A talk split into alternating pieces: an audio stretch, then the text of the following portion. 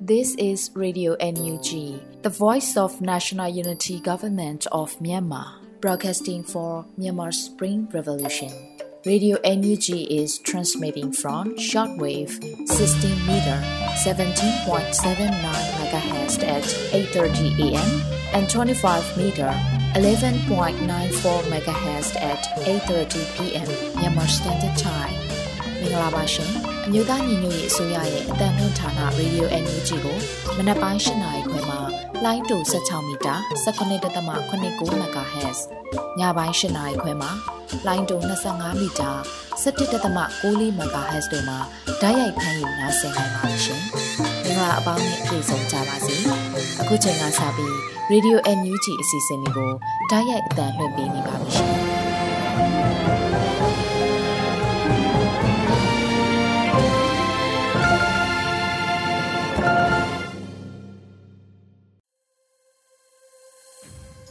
မင်္ဂလာနံနက်ခင်းပါရှင်ရေဒီယို NUG ဝန်သားဆင်နေကြတဲ့မိဘပြည်သူများနဲ့မြန်မာနိုင်ငံသူနိုင်ငံသားအပေါင်းတဘာဝဘေးဆရာနာရှင်ဘေးတို့ကနေကင်းဝေးပြီးကိုစိတ်နှပါဘေးကင်းလုံခြုံကြပါစေလို့ရေဒီယို NUG အဖွဲ့သားများကဆုတောင်းမေတ္တာပို့သလိုက်ပါတယ်အခုချိန်ကစပြီးရေဒီယို NUG ရဲ့စီးရေးသတင်းကောင်းတို့ချက်ကိုຫນွေဦးလေပြေမှဖတ်ကြားတင်ပြပေးတော့မှာဖြစ်ပါတယ်ရှင်။ မင်္ဂလာပါရှင်ခုချိန်ကစပြီး2024ခုနှစ်ဖေဖော်ဝါရီလ9ရက်မနက်ခင်းမှာတင်ပြပေးမယ့် Radio NUG စီးသတင်းများကိုဖတ်ကြားတင်ပြပေးသွားမှာဖြစ်ပါတယ်ပထမအဆုံးအနေနဲ့တော်လိုင်းတက်များသိမ့်ပိုက်ထားတဲ့ကောလင်းမြို့ကိုစစ်တပ်ကစစ်ကြောင်း၅ခုအင်အား800ကျော်နဲ့ထိုးစစ်ဆင်နေပြီးကျေးရွာတွေကိုမိရှုဖျက်ဆီးနေတဲ့သတင်းကိုတင်ပြပေးပါမယ်။ တော်လန်ရေးတပ်များကသိမ်းပိုက်ထိန်းချုပ်ထားတဲ့စကိုင်းတိုင်းကောလင်းမြို့ကိုစစ်ကောင်စီတပ်ကစစ်ကြောင်း၅ခုအင်အား၈၀၀ကျော်ဖြင့်ထိုးစစ်ဆင်လာပြီး၎င်းစစ်ကြောင်းဖျက်ဆီးရာကြေးရွာတွေကိုမိရှုဖျက်ဆီးနေတယ်လို့ Calling Revolution KR အဖွဲ့ထံကသိရပါဗျ။ဖေဖော်ဝါရီလ3ရက်နေ့ကစတင်ပြီးစစ်ကောင်စီတပ်များကကောလင်းမြို့နယ် တောင်ဘက်နဲ့မြောက်ဘက်ကိုအင်အားအလုံးရင်းနဲ့ထိုးစစ်ဆင်လာတာဖြစ်ပြီး၄ရက်နေ့နဲ့၅ရက်နေ့တွေမှာတိုက်ပွဲအပြင်းထန်ဖြစ်ပွားခဲ့ပြီး6ရက်နေ့အထိတိုက်ပွဲများဆက်လက်ဖြစ်ပွားနေတယ်လို့ဆိုပါတယ်။အဆိုပါစစ်ကောင်စီစစ်ကြောင်းများဟာဖေဖော်ဝါရီလ6ရက်မနက်9နာရီအချိန်မှာကောလင်းမြို့နယ်ဇီးကုံကြီးရွာကိုရောက်ရှိလာပြီးမိရှို့ဖျက်ဆီးနေတယ်လို့သိရပါတယ်။ဒါပြင်အဲ့ဒီမနက်ပိုင်းကဇီးကုံကြီးရွာအနီးမှာတိုက်ပွဲတစ်ကြိမ် ကောလင်းအနောက်ညောင်ပင်သာရွာနဲ့ကြောက်ကရွာအကြားမှာတိုက်ပွဲတစ်ကြိမ်ဖြစ်ပွားခဲ့ပြီးစစ်ကောင်စီဘက်ကအထိနာခဲ့တာကြောင့်ပြန်လည်ဆုတ်ခွာသွားခဲ့ပြီးစီစုံရွာကိုမိရှို့ဖျက်ဆီးနေတယ်လို့သိရပါတယ်။လက်ရှိချိန်မှာစစ်ကောင်စီတပ်ကကောလင်းမြောက်ဘက်အောင်ချမ်းသာကြေးရွာနဲ့ပေကုန်းကြေးရွာကိုဝင်းတို့တပ်မှကားနှစ်စီးနဲ့စစ်အင်အားအများပြားထပ်မံဖြစ်သိမ်းထားပြီးတိုက်ပွဲများဆက်လက်ဖြစ်ပွားနေတယ်လို့သိရပါတယ်။စစ်ကောင်စီတပ်များကဝင်းတို့မျိုးအင်ကပင် အောင်ကုန်းရွာဘက်ကစစ်ကြောင်းတစ်ကြောင်းဇီးပြုတ်ပင်ရွာကစစ်ကြောင်းတစ်ကြောင်းအလဲကုန်းနဲ့ဥရှိခုံရွာကြားမှာတစ်ကြောင်းကန့်ဘလူမြို့ကိုရောင်ဖို့ဝေယုံခုံရွာကတစ်ကြောင်းစီစုံရွာမှတစ်ကြောင်းနဲ့လှဲပွဲရွာမှတစ်ကြောင်းတို့ဖြင့်စစ်ကြောင်းခွဲကထိုးစစ်ဆင်နေကြောင်းကောလင်းခရိုင်တရင်နှစ်ကထုတ်ပြန်ထားပါတယ်ရှင်။ ဆက်လက်ပြီးစီဆိုင်မြို့လွယ်ပို့ရွာမှာတိုက်ပွဲဖြစ်ပွားနေပြီးစစ်ကောင်စီရဲ့လက်နက်ကြီးနဲ့လေကြောင်းကနေပုံကျဲတိုက်ခိုက်မှုတို့ကြောင့်ရွာကန်တွေများမီးလောင်နေတဲ့တရင်ကိုဆက်လက်တင်ပြပေးပါမယ်။ရှမ်းပြည်နယ်တောင်ပိုင်းစီဆိုင်မြို့နယ်လွယ်ပို့ရွာကိုစစ်ကြောင်းထိုးလာတဲ့စစ်ကောင်စီနဲ့ PNO ပြည်သူ့စစ်ပူးပေါင်းတပ်ဖွဲ့တွေနဲ့ PNL နဲ့မဟာမိတ်ပူးပေါင်းတပ်ဖွဲ့တွေအကြား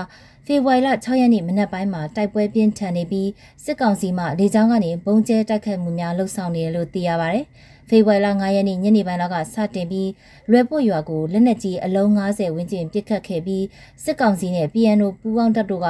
စစ်ကြောင်းထိုးလာတာကြောင့် PNL နဲ့မဟာမိတ်ပူးပေါင်းတပ်များနဲ့တိုက်ပွဲဖြစ်ပွားနေတာဖြစ်ပါတယ်။အခုတိုက်နေတော့မှလက်နက်ကြီးပစ်တာရွာရဲကိုစစ်ကောင်စီနဲ့ PNO ပူးပေါင်းဖွဲ့ကထိုးစစ်ဆင်တာပါ အဝေးကနေပဲလက်နက်ကြီး60မမနဲ့လှမ်းထူတာပြည်သူအိုးအိမ်တွေပဲထိခိုက်တာပေါ့ရွာထဲကိုသူတို့ရမ်းပစ်တာကအလုံးကြီးများပါတယ်လို့ PNL အရာရှိတဦးကတာချီလိတ် News Agency ကိုပြောဆိုထားပါတယ်တိုက်ပွဲဖြစ်လာတော့မှကိုကြိုသိတာကြောင့်ဒေသခံများကိုယမန်နေ့မနက်ပိုင်းကလေးကစတင်ရှောင်းတိန်ထားခိုင်းခဲ့ကတိုက်ပွဲအတွင်းပိတ်မိပြီးကြန့်ရှိနေတဲ့ဒေသခံများကိုလည်းလုံခြုံတဲ့နေရာမှာတာဝန်ယူဆောက်ရှောက်ပေးထားတယ်လို့ PNL ကဆိုထားပါတယ်။ တိုက်ပွဲတွင်မနက်7:00နာရီဝန်းကျင်ခန့်က၎င်းလွယ်ပို့ရွာတဲ့ကိုစစ်ကောင်စီလေတပ်ကလေရင်နဲ့၃ကြိမ်လာရောက်ပုံကျဲသွားတယ်လို့လည်းသိရပါတယ်ရှင်။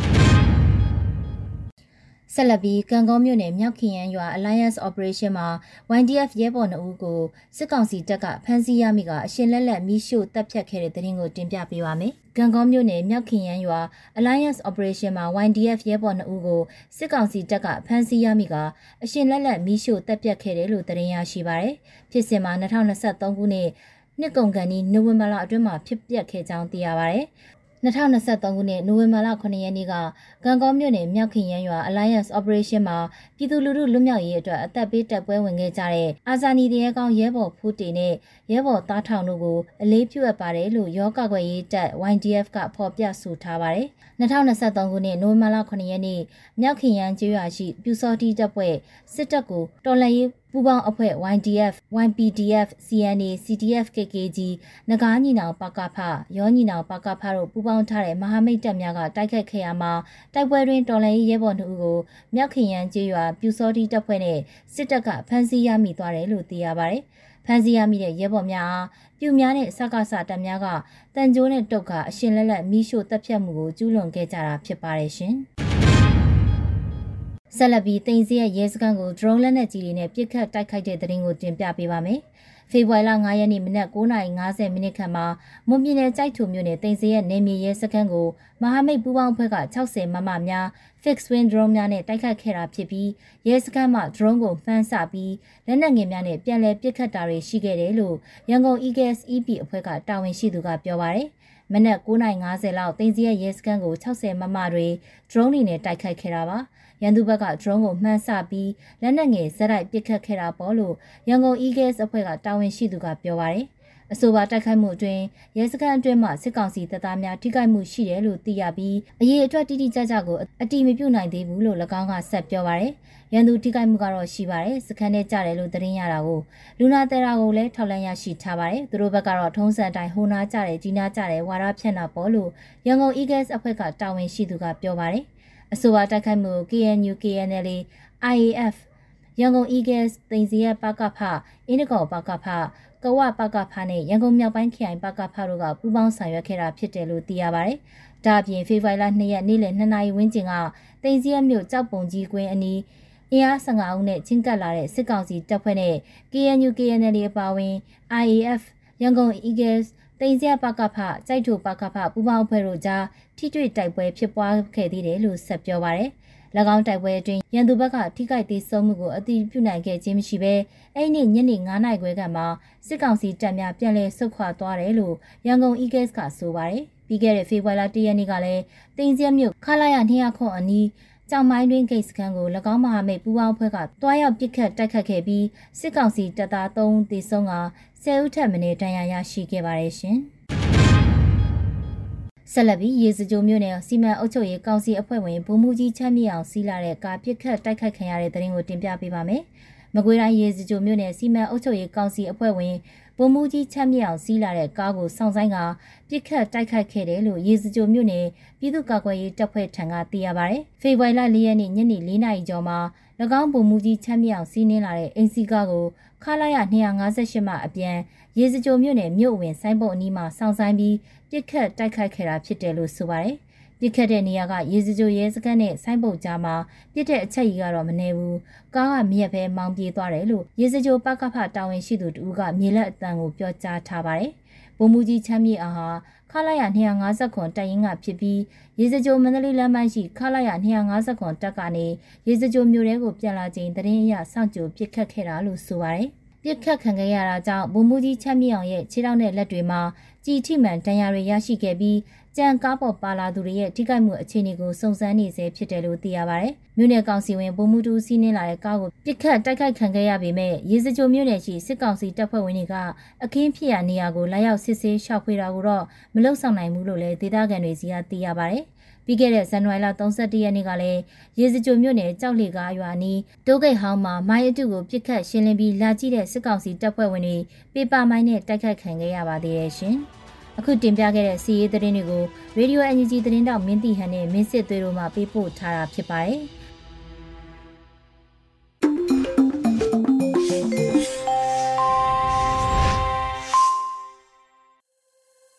ရေဒီယိုအန်ယူဂျီမှဆက်လက်တန်လှည့်ပေးနေပါတယ်အခုဆက်လက်ပြီးနောက်ဆုံးရပြည်တွင်းသတင်းများကိုတော့မျိုးဦးမှမှဖတ်ကြားတင်ပြပေးမှာဖြစ်ပါတယ်ရှင်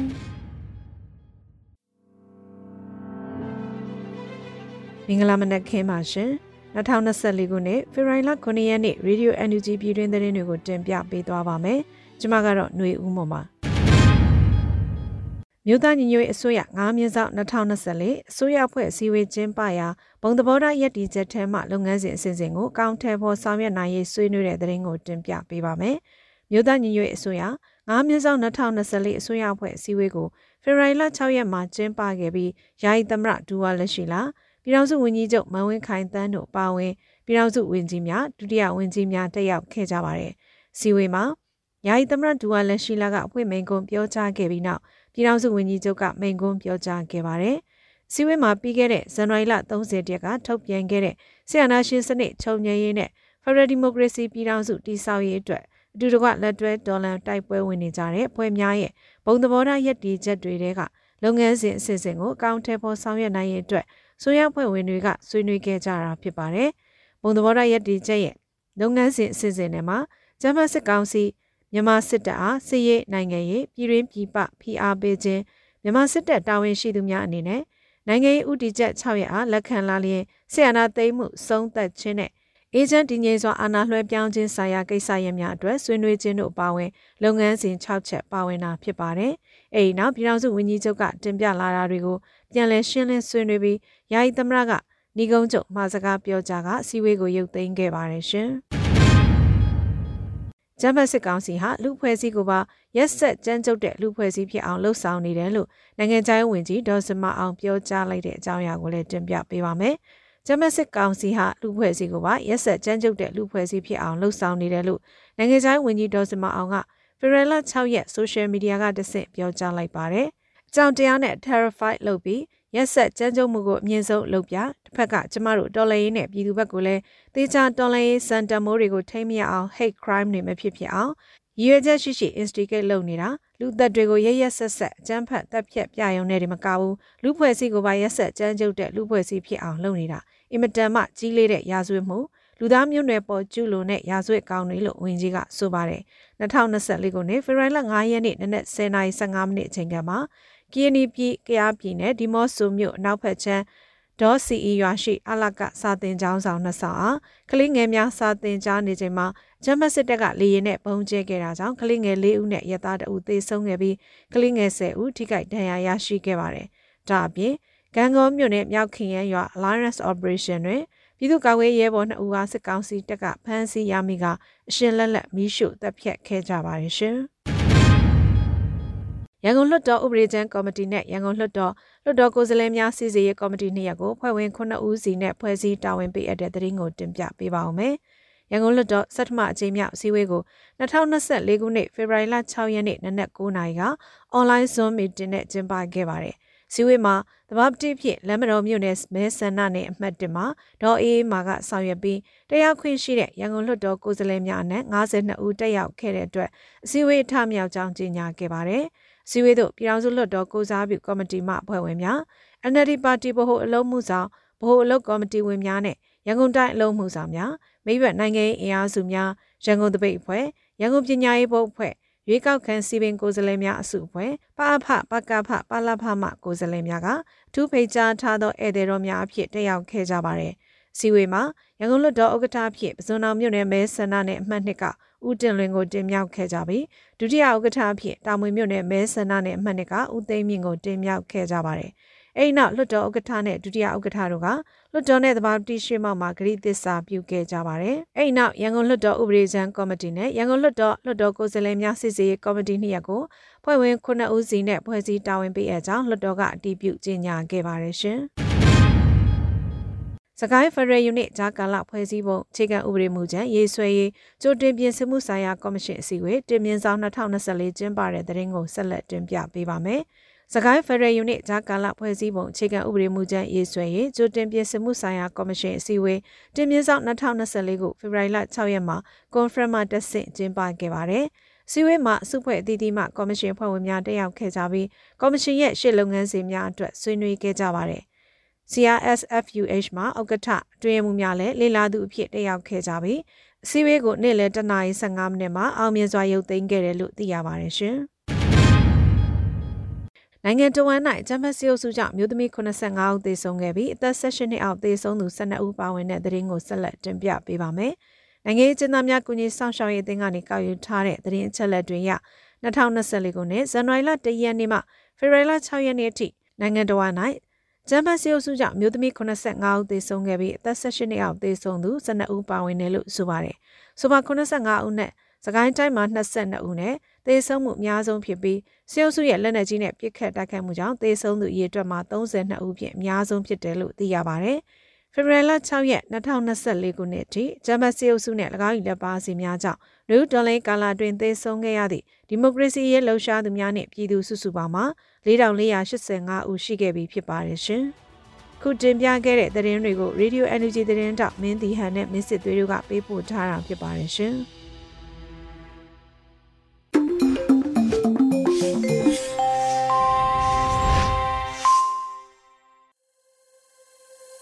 ဗီဒီယိုအန်ဂျီမှဆက်လက်အသံလွှင့်ပေးနေပါတယ်အခုတစ်ခါမှာတော့စာတင်ကြောင်းပုံကျဲခံရပြီးကလေးငယ်လေးဦးသေဆုံးရတဲ့ကြေကွဲသောသားထွက်เสียဖြစ်ရဲလို့အမည်ရတဲ့မြန်မာနွေခရိုနီကယ်ဖေဖော်ဝါရီလ9မြင်ကွင်းမူမခဆောင်းပါးကိုຫນွေဦးမိုင်မှဖတ်ကြားတင်ပြပေးတော့မှာဖြစ်ပါတယ်ရှင်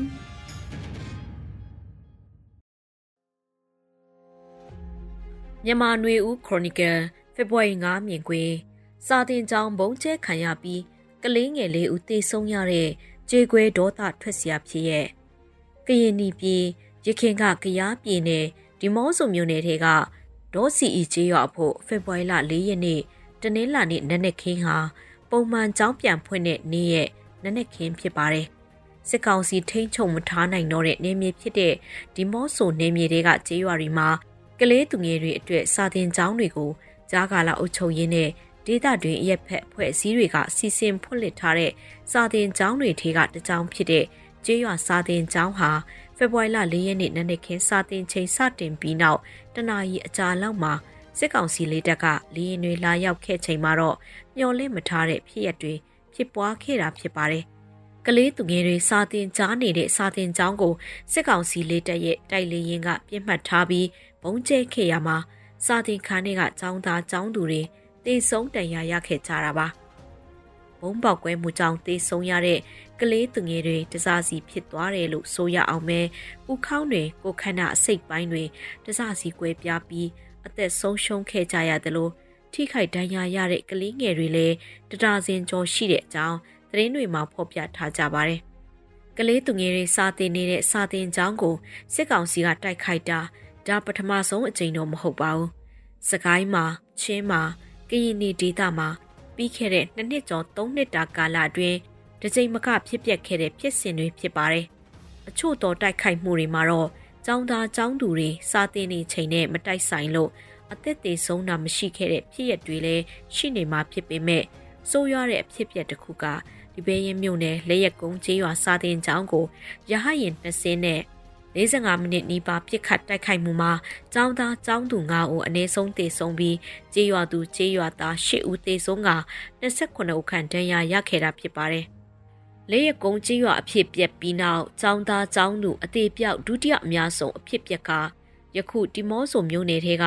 ဒေါ်စီအီကျေးရွာစာတင်ကျောင်းဖြစ်ရပဲဖြစ်ပါတယ်။အခုလိုဖြစ်ရက်တွေကိုကောက်ချက်ချရင် စစ်ကောင်စီအနေနဲ့စာတင်ကြောင်းစေးရုံစေးခန်းနဲ့ဘာသာရေးအဆောက်အဦဖြစ်တဲ့ဖုန်ကြီးကျောင်းခရီးယန်ဖျားကျောင်းတွေကိုဒေသခံတွေရဲ့ခိုလုံရာစုဝေးရာ၎င်းတို့ကိုခုခံတိုက်ခိုက်နေတဲ့ကာကွယ်တပ်ဖွဲ့တွေစခန်းချရာဆိုတဲ့အမှတ်နဲ့ပြစ်မှတ်ထားတိုက်ခိုက်တဲ့သဘောလို့ကောက်ချက်ချရပါတယ်။ကာကွယ်တပ်ဖွဲ့တွေအဲ့လိုနေရာတွေမှာတက်ဆွဲသည်ဖြစ်စေမဆွဲသည်ဖြစ်စေစစ်ကောင်စီအနေနဲ့တရင်ထောက်လှမ်းခြင်းမပြုဘဲပြစ်မှတ်ဖြစ်တတ်မှတ်က တိုက်ခိုက်နေတာဖြစ်ပြီးဒီဖြစ်ရတွေကစစ်ကောင်စီဘက်ကကျူးလွန်တဲ့စစ်ရာဇဝတ်ပြစ်မှုတွေကိုပုံမကြီးလေးစေပြီးထင်ရှားစေမှာဖြစ်ပါတယ်စစ်တပ်အနေနဲ့စစ်အာဏာမသိမ်းမီကလေးကရိုဟင်ဂျာလူမျိုးသုံးသက်ဖြတ်မှုလူမျိုးတွေကိုကဘာတိကျိုးလွန်ခဲ့တယ်လို့စစ်အာဏာသိမ်းပြီးနောက်မှာလဲစစ်ရာဇဝတ်မှုတွေတခုမကကျိုးလွန်ခဲ့တာဖြစ်လို့၎င်းတို့အဖို့မထူးဆန်းတယ်လို့ဖြစ်နေတဲ့အနေအထားလို့ဆိုရမှာဖြစ်ပါတယ်။ တော်လှန်ရေးအင်အားစုတွေဖို့တော့စစ်ကောင်စီတပ်တွေကိုတိုက်ခိုက်ဖို့ထပ်ပြီးတွန်းအားပေးလိုက်တဲ့ဖြစ်ရပ်တစ်ခုဖြစ်ပါတယ်။ကပ်ပလိုမျိုးတွေကပစီကြီးကျေးရွာဘုံကျဲတိုက်ခိုက်မှုလိုမျိုးမှလည်းစာတင်ကြောင်းမဟုတ်ပေမဲ့အရက်သားရာကနန်းနဲ့ချီတနေရာတည်းသေဆုံးရတဲ့လေးချောင်းတိုက်ခိုက်မှုမျိုးရှိသလို ဖားကန့်နံပါစခန်းအနီးဒေဂီတာဖြိုဖြေးပွဲကိုလေးချောင်းကတိုက်ခိုက်ခဲ့လို့ KIA တပ်ဖွဲ့ဝင်နဲ့အရက်သားစုစုပေါင်းလူ60ထက်မနည်းသေဆုံးခဲ့ရတဲ့အဖြစ်ပြက်လိုင်ဇာမြို့အနီးမုံလက်ခတ်ကြေးရွာပြစ်ခတ်တိုက်ခိုက်မှုတွေကလေကြောင်းတိုက်ခိုက်မှုကြောင့်အသက်ဆုံးရှုံးရတဲ့အဖြစ်ပြက်တွေဖြစ်ပြီးထိခိုက်သေးဆုံးကြရသူရာနဲ့ချီရှိနေတာဖြစ်ပါတယ်။ မြန်မာနိုင်ငံကပြည်တွင်းစစ်ဖြစ်ပွားလာတာစစ်စုနှစ်ခုနှစ်ခုကျော်ရှိခဲ့ရမှာလေကြောင်းတိုက်ခိုက်မှုတွေကအချို့သောတိုက်ပွဲတွေမှာရှိခဲ့ပေမဲ့လည်းအခု2021ခုနှစ်နောက်ပိုင်းလိုနေ့စဉ်ရက်ဆက်နိုင်ငံရဲ့နေရအနှံ့ပြားတိုက်ခိုက်နေတာမျိုးကမရှိခဲ့မဖြစ်ပြက်ခဲ့ဘူးပါဘူးအခု2022ကစတင်ပြီးနှစ်နှစ်နီးကျော်ကာလမှာ မြေပြင်တက်တွေမလှုပ်ရှားနိုင်မရွေ့နိုင်တော့တဲ့အခြေအနေမှာတိုက်ပွဲဖြစ်တိုင်းလေကြောင်းအကူပစ်ခတ်မှုတောင်းရသလိုတင်ကာမကင်းဖြစ်တဲ့နေရာကျေးရွာအဆောက်အဦတွေကိုပါနေစင်နဲ့မြလေကြောင်းကတိုက်ခိုက်နေတဲ့ဖြစ်ရမျိုးကလွတ်လပ်ရေးကာလ290ကျော်မှာပထမဆုံးကြုံတွေ့ကြရတဲ့အနေအထားမျိုးဖြစ်ပါတယ်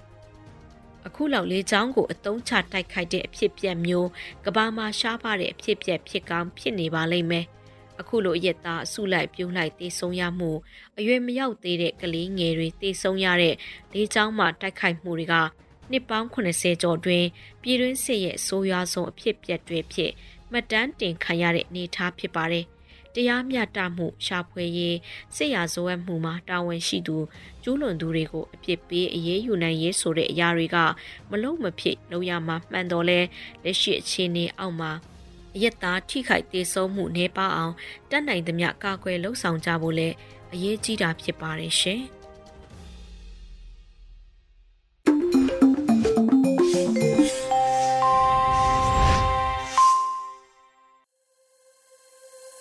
ဒီကနေ့ရဲ့တော်လန်ရေးတက္ကတာအနေနဲ့တတစ်ရေးသားထားပြီး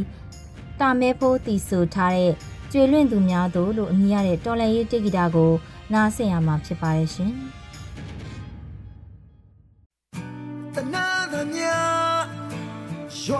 ကိုဖြတ်ပြီးထွားမြေရလေသည်မြမြေဝမမေးဖြောင်းမြသူတို့လိုပဲမကြုံအောင်ဟာတရှိပုံကသူအဖြစ်နဲ့ကိုချိုးဆိုအသက်ပွေဘာကြောင့်လဲရွှေရွှေလို့ကြွေခဲ့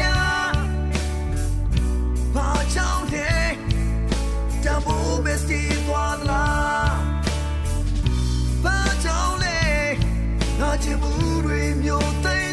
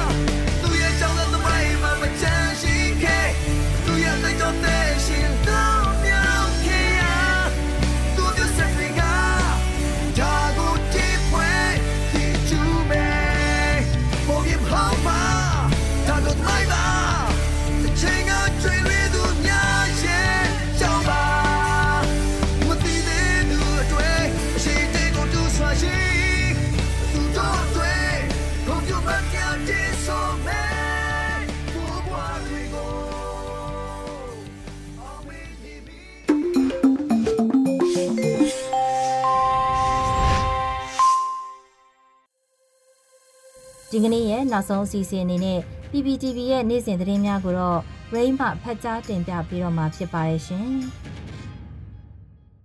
အခုချိန်ကစပြီး PPTV သတင်းတွေကိုတင်ဆက်ပေးသွားမှာပါ။ကျွန်မရိန်ပါ။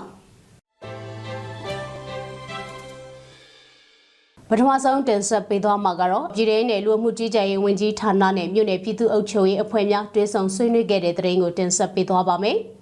အမျိုးသားမျိုးရေးဆိုရပြည်ထောင်နယ်လူမှုကြီးကြပ်ရေးဝန်ကြီးဌာနနဲ့ပဲခူးတိုင်းအေရဝတီတိုင်းရန်ကုန်တိုင်းဒေသနာတိုင်းတို့မှာရှိတဲ့မြို့နယ်ပြည်သူ့အုပ်ချုပ်ရေးအဖွဲ့များတွဲဆုံဆွေးနွေးမှုအစည်းအဝေး၃မြင်းဆောင်2024ကိုဖေဖော်ဝါရီ9ရက်မနက်10:00နာရီမှာပြုလုပ်ခဲ့ကြပါတယ်။အစည်းအဝေးမှာပြည်ထောင်နယ်လူမှုကြီးကြပ်ရေးဝန်ကြီးဌာနတွဲဖက်မြေရန်အတွင်းဝင်ရဲ့ဆွေးနွေးမှုနဲ့စတင်ခဲ့ပြီးပြည်သူ့အုပ်ချုပ်ရေးဦးစီးဌာနညွှန်ကြားရေးမှူးချုပ်မှလုပ်ငန်းဆောင်ရွက်ချက်များကိုရှင်းလင်းပြောကြားခဲ့ပါတယ်။ အဲဒီနောက်တက်ရောက်လာတဲ့မြို့နယ်ပြည်သူ့အုပ်ချုပ်ရေးအဖွဲ့ဝင်တွေကမူဝါဒလက်ညွှန်ချက်များမြေပြင်အုပ်ချုပ်ဆောင်ရွက်နေမှုများဂျုံတွေ့နေရတဲ့အခက်အခဲများကိုမင်းမြန်ဆွေးနွေးရာဝန်ကြီးဌာနမှတာဝန်ရှိသူများကပြန်လည်ဖြေကြားခဲ့ပါတယ်။ အစည်းအဝေးကိုတွဲဘက်အမြဲတမ်းအတွင်းဝန်မှဦးဆောင်ကပြည်သူ့အုပ်ချုပ်ရေးဦးစီးဌာနပြည်သူ့ရဲတပ်ဖွဲ့မိသက်ဦးစီးဌာနလူဝမှုကြီးကြပ်ရေးဦးစီးဌာနအထူးစုံစမ်းထောက်လှမ်းရေးဦးစီးဌာနတို့မှတာဝန်ရှိသူများပဲခူးတိုင်းအေရဝတီတိုင်းရန်ကုန်တိုင်းတနင်္သာရီတိုင်းတို့မှရှိတဲ့မြို့နယ်ပြည်သူ့အုပ်ချုပ်ရေးအဖွဲ့ဝင်များတက်ရောက်ခဲ့ကြတယ်လို့ပြည်ထောင်နယ်လူဝမှုကြီးကြပ်ရေးဝန်ကြီးဌာနကသတင်းထုတ်ပြန်ထားပါတယ်။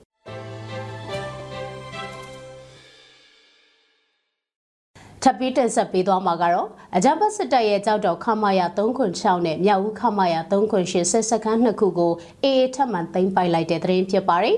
ရခိုင်ပြည်နယ်အကြံဖက်စစ်တပ်ရဲ့လက်အခန့်တပ်တွေဖြစ်တဲ့ကြောက်တော်မြို့နယ်အခြေစိုက်ခမာယာ306နဲ့မြောက်ဦးအခြေစိုက်ခမာယာ308စစ်စခန်းနှစ်ခုကိုတရင်အလိုက်ရခိုင်တပ်တော် AA ကထပ်မံသိမ်းပိုက်နိုင်ခဲ့တယ်လို့မြောက်ပိုင်းညီနောင်မဟာမိတ်၃ဖွဲ့ကထုတ်ပြန်ထားပါတယ်။ Operation 139ခွန်စစ်စေးတရား2ရက်မြောက်နေ့တိုက်ပွဲသတင်းထုတ်ပြန်ချက်မှာအဲ့ဒီလိုအသိပေးထုတ်ပြန်လိုက်တာပါရခိုင်တပ်တော်ကဖေဖော်ဝါရီ2ရက်နေ့လယ်2နာရီမှာကြောက်တော်အခြေဆိုင်အကြမ်းဖက်စစ်တပ်ရဲ့စကခကိုလက်အောက်ခံခမရ306တရင်တရင်လုံးကိုအပိသက်သိမ့်ပိုင်နိုင်ခဲ့တယ်လို့ဖော်ပြထားပါတယ် ဒါပြင်ဖေဖော်ဝါရီ9ရက်မနေ့9နာရီမှာလဲအကြမ်းဖက်စစ်ကောင်စီရဲ့တပ်ရင်းတွေကတခုဖြစ်တဲ့စကခကိုလက်အောက်ခံခမရ308တပ်ရင်းတစ်ခုလုံးကိုလည်းအပိသက်ချင်းမုံသိမ့်ပိုက်ထားနိုင်ခဲ့တာပါ အဲ့ဒီအကြမ်းဖက်စစ်တပ်ရဲ့မြောက်ဦးအခြေဆိုင်ခမရ368ဟာမြောက်ဦးမြို့ကပြည်သူလူထုကိုဒုက္ခအမျိုးမျိုးပေးပြီးတမိုင်းဝင်ရင်ကျင်းမှုအမွေနှစ်တွေကိုပါခိုးယူလူရဲ့ဖျက်ဆီးနေတဲ့တပ်ရင်းဖြစ်တယ်လို့ညီနောင်သုံးဖွဲ့ကတိပေးဖော်ပြထားပါတယ်။ရခိုင်တပ်တော် A ကအကြမ်းဖက်စစ်တပ်ရဲ့ကြောက်တော်အခြေဆိုင်ခမရ304နဲ့မြောက်ဦးအခြေဆိုင်ခမရ943ညကိုရခိုင်တပ်တော် A ကပြီးခဲ့တဲ့ရက်ပိုင်းကသိမ်းပိုက်ထားတာဖြစ်ပါတယ်။ ကြောက်တော်နယ်မြောက်ဦးမြို့နယ်မှာအကြမ်းဖက်စစ်တပ်ရဲ့စခန်းနှစ်ခုသာရခိုင်တပ်တော် AA ကသိမ်းပိုက်ဖို့ကြံတော့တယ်လို့သိရပါဗျ။